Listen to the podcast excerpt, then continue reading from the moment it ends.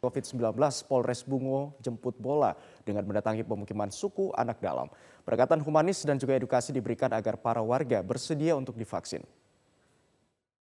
Didukung oleh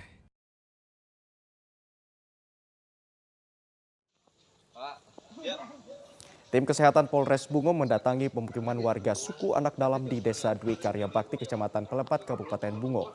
Kedatangan Kapolres Bungo bersama dengan anggotanya untuk memberikan edukasi tentang pentingnya vaksinasi COVID-19. Dengan menggunakan bus milik Satuan Sabara Polres Bungo, 76 warga suku anak dalam menuju lokasi vaksinasi. Mereka mendapatkan vaksin Sinovac dosis pertama. Usai divaksin, puluhan warga mengaku senang karena pulang membawa sembako dari Polres Bungo mancanegara pemirsa Tiongkok pada Jumat waktu setempat meluncurkan satelit dari pusat peluncuran satelit Taiwan di Provinsi Sangchi, Utara Tiongkok. Satelit bernama Kuangmu ini diluncurkan menggunakan roket pembawa Long March 6 pada pukul 10.19 waktu Beijing dan berhasil memasuki orbit sesuai dengan yang direncanakan. Peluncuran kali ini merupakan misi penerbangan ke-395 dari seri roket Long March Sebelumnya Tiongkok juga berhasil mengirimkan satelit komunikasi ke orbit. Today, Good News Today yang pertama ini datang dari Kepala Sekolah SMK Negeri 5 Kota Malang bernama Konekustarti Arifin yang berhasil membuat motor gede klasik bertenaga listrik. Seluruh rangka, bodi motor hingga motor penggerak dan rangkaian listrik dibuat sendiri. Bagian paling menarik pemirsa ini terdapat pada 312 baterai laptop bekas hasil rekondisi yang digunakan sebagai sumber listrik penggerak motor. Dari rangkaian baterai tersebut dapat dihasilkan listrik berkekuatan 40 ampere yang dapat bertahan hingga jarak 40 meter dengan kecepatan rata-rata 70 km per jam. Ke depan, Kone akan menggandeng siswa di sejumlah SMK Kota Malang untuk bersama-sama memproduksi masal motor klasik bertenaga listrik ini. Good news yang kedua datang dari tim robotik MTS Negeri 2 Kota Kediri yang terdiri dari Bintang Gemma Fitriansyah dan Alfa Reza Firdausi Dewantoro yang berhasil menjuarai kompetisi robotik Madrasah 2021 yang digelar di Tangerang beberapa waktu lalu. Keduanya berhasil menyisihkan ratusan peserta lain dalam kompetisi robotik dengan tema Robot for Global Pandemic dalam kategori Mobile Robot. Selain MTS Negeri 2 Kediri, MTS Negeri 1 Kota Kediri, MTS Negeri 3 Kota Kediri, dan MAN 2 Kota Kediri juga meraih medali di kategori Mobile Robot dan Rancang Bangun di kompetisi Robotik Madrasah 2021. Ke trending topik yang kedua siang ini pemirsa terkait banjir bandang di Kota Batu, Jawa Timur, tim SAR gabungan pagi ini kembali menemukan dua jenazah korban banjir bandang yang melanda Kota Batu Kamis siang kemarin. Keduanya ditemukan di kebun tebu dengan jarak sekitar 200 meter dan berselang waktu satu jam.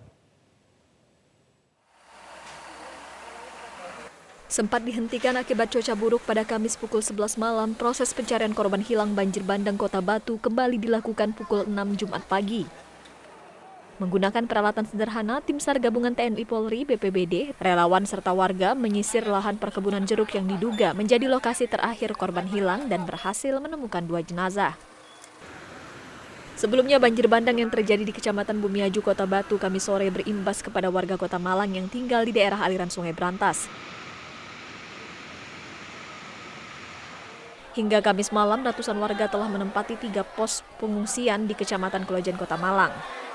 Pemirsa apa dan siapa hari ini ada informasi dari Presiden Joko Widodo tiba di Indonesia pada Jumat pagi usai melakukan serangkaian kunjungan kerja ke luar negeri selama sepekan. Setelah menempuh perjalanan selama lebih kurang 8 jam dari Dubai, Uni Emirat Arab, pesawat Garuda Indonesia yang membawa kepala negara dan rombongan mendarat di Bandara Internasional Soekarno-Hatta, Tangerang, Banten sekitar pukul 8.30 waktu Indonesia Barat. Berbeda dengan kedatangan Presiden pada waktu-waktu sebelumnya, kepulangan Presiden kali ini ke tanah air dilakukan tanpa penyambutan dari para pejabat. Hal tersebut merupakan bagian dari ketaatan menjalankan protokol kesehatan setelah pulang dari luar negeri. Sesuai peraturan yang ditetapkan, Jokowi beserta seluruh rombongan akan menjalani karantina mandiri di tempat yang telah disiapkan di Istana Bogor. Selama menjalani karantina, Jokowi akan tinggal terpisah dari keluarganya yang ada di Wisma Bayurini.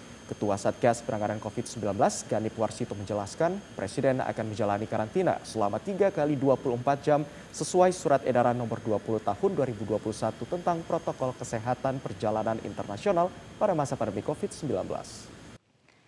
Pemirsa KPK menyelidiki kasus dugaan korupsi penyelenggaraan Formula E di DKI Jakarta dengan mendalami sejumlah informasi dan data. KPK mengajak masyarakat untuk mengawal proses penanganan kasus dugaan korupsi Formula E. Komisi Pemberantasan Korupsi memeriksa Kepala Dinas Pemuda dan Olahraga Pemprov DKI Jakarta terkait dengan rencana penyelenggaraan Formula E. KPK mendalami data dan informasi yang diperlukan dalam kegiatan penyelidikan kasus Formula E. KPK mulai menyelidiki kasus Formula E atas dasar laporan masyarakat. Untuk itu KPK mengajak masyarakat mengawal kasus dugaan korupsi Formula E. Benar saat ini KPK meminta keterangan terhadap beberapa pihak dalam rangka mengumpulkan Eh, data dan informasi yang diperlukan di dalam kegiatan penyelidikan yang sedang dilakukan oleh KPK. Eh, kegiatan ini tentu sebagai tindak lanjut dari adanya laporan masyarakat kepada KPK terkait eh, penyelenggaraan Formula E di DKI Jakarta. Pada Selasa 2 November 2021, KPK memeriksa Kadispora Pemprov DKI Jakarta Ahmad Firdaus selama tujuh jam. Firdaus mengaku diminta keterangan terkait dengan kasus dugaan korupsi Formula E. Kota Bau-Bau, kota yang terletak di Pulau Buton atau tepatnya di bagian selatan Provinsi Sulawesi Tenggara dan diapit oleh lautan yaitu Laut Banda, Laut Flores, Selat Buton, dan Teluk Bone. Bau-Bau merupakan kota ke-8 terbesar di Pulau Sulawesi atau kedua terbesar di Provinsi Sulawesi Tenggara setelah kota Kendari dengan luas mencapai 293 km persegi. Kota Bau-Bau dapat dicapai dari Jakarta melalui perjalanan udara dalam waktu total perjalanan 3,5 jam setelah transit di kota Makassar. Saat ini kota Bau-Bau terus membenahi diri dengan membangun berbagai sarana dan prasarana untuk menjadikan kota ini tujuan wisata kelas dunia, sehingga tercapainya kota yang maju, sejahtera, dan berbudaya. Pak AS Tamrin, kota Bau-Bau. Jadi kota ini merupakan kota delapan kota ke-8 terbesar di Pulau Sulawesi dan yang kedua terbesar di uh, Sulawesi Tenggara setelah kota Kendari. Pak, sejauh ini eh, bagaimana Pak pembangunan di kota Bau-Bau, utamanya di masa pemerintahan Bapak AS Tamrin yang sudah memasuki periode kedua Pak? Iya, jadi pembangunan di kota Bau-Bau kan dipandu melalui visi misi. Uh -huh. Visinya Bau-Bau ini kita Bau-Bau maju sejahtera dan berbudaya. Uh -huh. Itulah dia punya visi misinya itu kita kasih akronim tampil. Uh-huh. Tertib, aman, maju, populer, indah, lancar. Nah, tertib apa? Tertib pemerintahan, tertib hukum, tertib pelayanan, tertib uh, transportasi, tertib berkomunikasi. Aman, aman bermasyarakat, aman uh-huh. berusaha, aman berinvestasi, uh-huh. semua. Populer, populer pendidikannya, populer budayanya, populer kesehatannya, populer semua. Indah, Ya. Indah lingkungannya, asri. Suasananya, kira-kira begitu. Lancar, uh-huh. lancar berkomunikasi, lancar bertransportasi uh-huh. semuanya. Begitulah. Kemudian semua itu dilakukan pembangunan diletakkan di atas empat pilar, empat pilar uh-huh. prioritas. Pilar pertama pembangunan sumber daya manusia, uh-huh. pembangunan sarana prasarana infrastruktur, ketiga pembangunan ekonomi berbasis yeah. ekonomi kerakyatan uh-huh. yang bertumbuh pada kearifan lokal, uh-huh. yang keempat pembangunan budaya. Uh-huh. Itulah keempat pilar ini kemudian dibagi-bagi kepada sektor-sektor itu untuk menyukseskan. Begitu. Pak Tamrin, tentunya pencapaian ini sudah mendapatkan pengakuan dalam bentuk penghargaan Betul. hingga berskala nasional seperti itu, Pak. Apa saja, Pak, penghargaan yang sudah diraih Kota Bau-Bau, utamanya di bawah kepemimpinan Bapak Ais Tamrin sendiri, Pak? Eh, banyak sekali. Ya. Setidaknya ada sekitar 30-an itu kemarin. 30 tingkat ya? nasional, belum lagi tingkat provinsi. Uh -huh. Penghargaan di tingkat nasional itu, di awal pertama pemerintahan saya, uh -huh. itu penghargaan di bidang perencanaan pembangunan. Ya.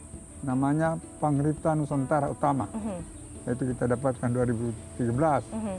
2014 dari penghargaan dari Menteri Perhubungan hmm namanya Wahana Tata Nugraha. Selanjutnya penghargaan Kota Adipura Kota Adipura. Sebagai Sudah Kota meraih Adipura. Adipura juga Yo, Kota sudah empat ya? kali Hmm. berturut-turut ini, sudah mau Mhm. lima kali lagi. Bahkan disusul lagi penghargaan opini WTP dari BPK. Mhm. Opini WTP sudah kelima kali nih Ya. berturut-turut WTP. Kemudian selanjutnya penghargaan Kota Sehat. Ini juga sudah berturut-turut tiga kali. Mhm. 2017 itu 17. namanya Swasti Sabah Mhm. Swasti Sabah Padapa 2019 Swasti Sabah Sabah Wiwerda Mhm. 2021 ini Swasti Sabah Wistara Mhm. ini suatu kebanggaan juga Ya. dan ini sudah penghargaan tertinggi dari eh, Kota Sehat Ya. soalnya penghargaan yang lain ya dari Museum Muri Oke. atas suksesnya pelaksanaan ritual PK Kande Kandea Mhm. Yang pelaksanaan ritual PK Kande Kandea itu ke- keliling benteng keraton. Mhm. Nah, ini mendapatkan pengakuan Muri sebagai suatu Iya. event yang pe- pantas mendapatkan rekor Muri. Penghargaan berupa Mhm. penetapan gelar pahlawan nasional kepada Sultan Himayatuddin Oputaiko Mhm. ya, oleh Presiden Joko Widodo itu.